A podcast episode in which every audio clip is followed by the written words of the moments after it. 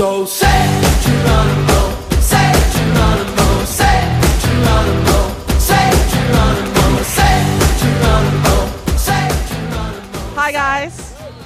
So we're here with Sheppard with Energy, and I thought if I'm handing the mic over to you guys, you could just present yourself and say something little about yourself. Hi, I'm Dean, and it's a lovely day in Sweden, and I'm feeling fantastic. Hi, I'm Michael. I play the electric guitar.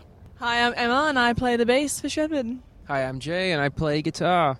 Yeah, hi, I'm George. I uh, I, I like dancing. Um, yeah, yeah, I love dancing. no, I- I'll, I'll show. I don't want to take up the whole interview here, but Dean's right. It is a wonderful day here in Sweden, in Norrköping.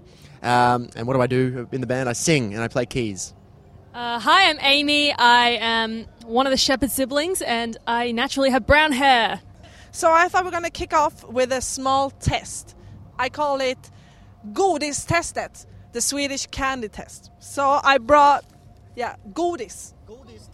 So we have here Turkish peppar, we have gräddkola, and the classic svenska bilar.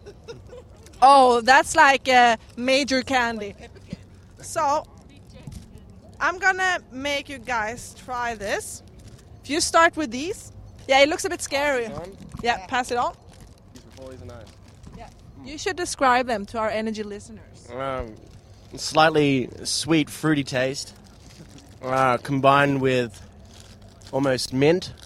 Uh, rolls right off the palate. Um, I give it nine and a half out of ten. Okay, so he gives that a nine. Han ger alltså Ahlgrens bilar en nia. Let's see about the turkisk peppar.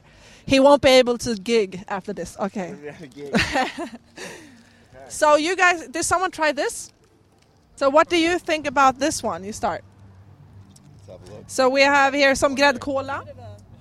These are like little licorice, little licorice balls. Um, yeah, I tasted a bit of licorice in those ones over there. These ones? Yeah, not sure about them. Uh, caramel? Yeah, these ones just taste very caramelly. It's very nice. Så gräddkolan smakar väldigt mycket grädde helt enkelt. And what about the, the not playing after gig candy? Uh, I haven't found that yet, but maybe that comes later. Yeah. At the moment, yeah. There's a lot of licorice. What do you guys think? Tell me. Oh, it's just delicious. it's absolutely fantastic. it's like licorice. It's like really salty. It's not. It's not spicy or anything. It's just, yeah, like a hard, salty piece of licorice. I kind of like it.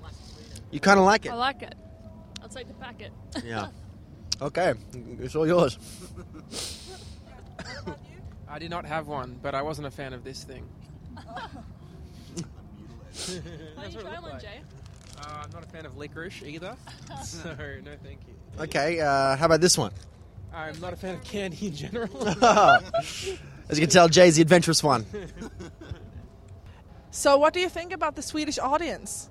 Well, we haven't actually met them yet, so we, we aren't too sure, but uh, we're looking forward to today. We're not playing until later on, so maybe people will be a little bit uh, bit more drunk and, and maybe enjoy our music a bit more than they otherwise would. You seem to have been out and about, and I was thinking, where would you guys go today if you wouldn't be playing here? You could just go on a plane without consequences. There is no management, nothing. What would happen? And I could go with you, maybe. Yeah, probably go home. I think, yeah. I think that's most most of us want to do that. So what do you do when you're home? Just be normal. Relax. Go see movies, go to the beach, just do nothing.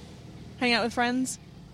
To all of the energy listeners out there, you guys are amazing. Thank you so much for supporting our music. We wouldn't be here if it wasn't for you guys. Uh, you know, we have a job thanks to you. So please keep us uh, keep us in our job and keep buying Sheppard music and eat more chocolate and more candies. Thank you guys so, so much.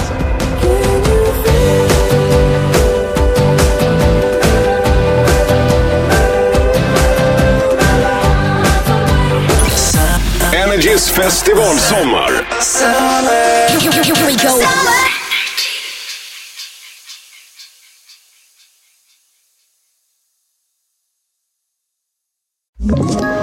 Ett poddtips från Podplay. I podden Något Kaiko garanterar östgötarna Brutti och jag, Davva, dig en stor dos skratt. Där följer jag pladask för köttätandet igen. Man är lite som en jävla vampyr. Man har fått lite blodsmak och då måste man ha mer.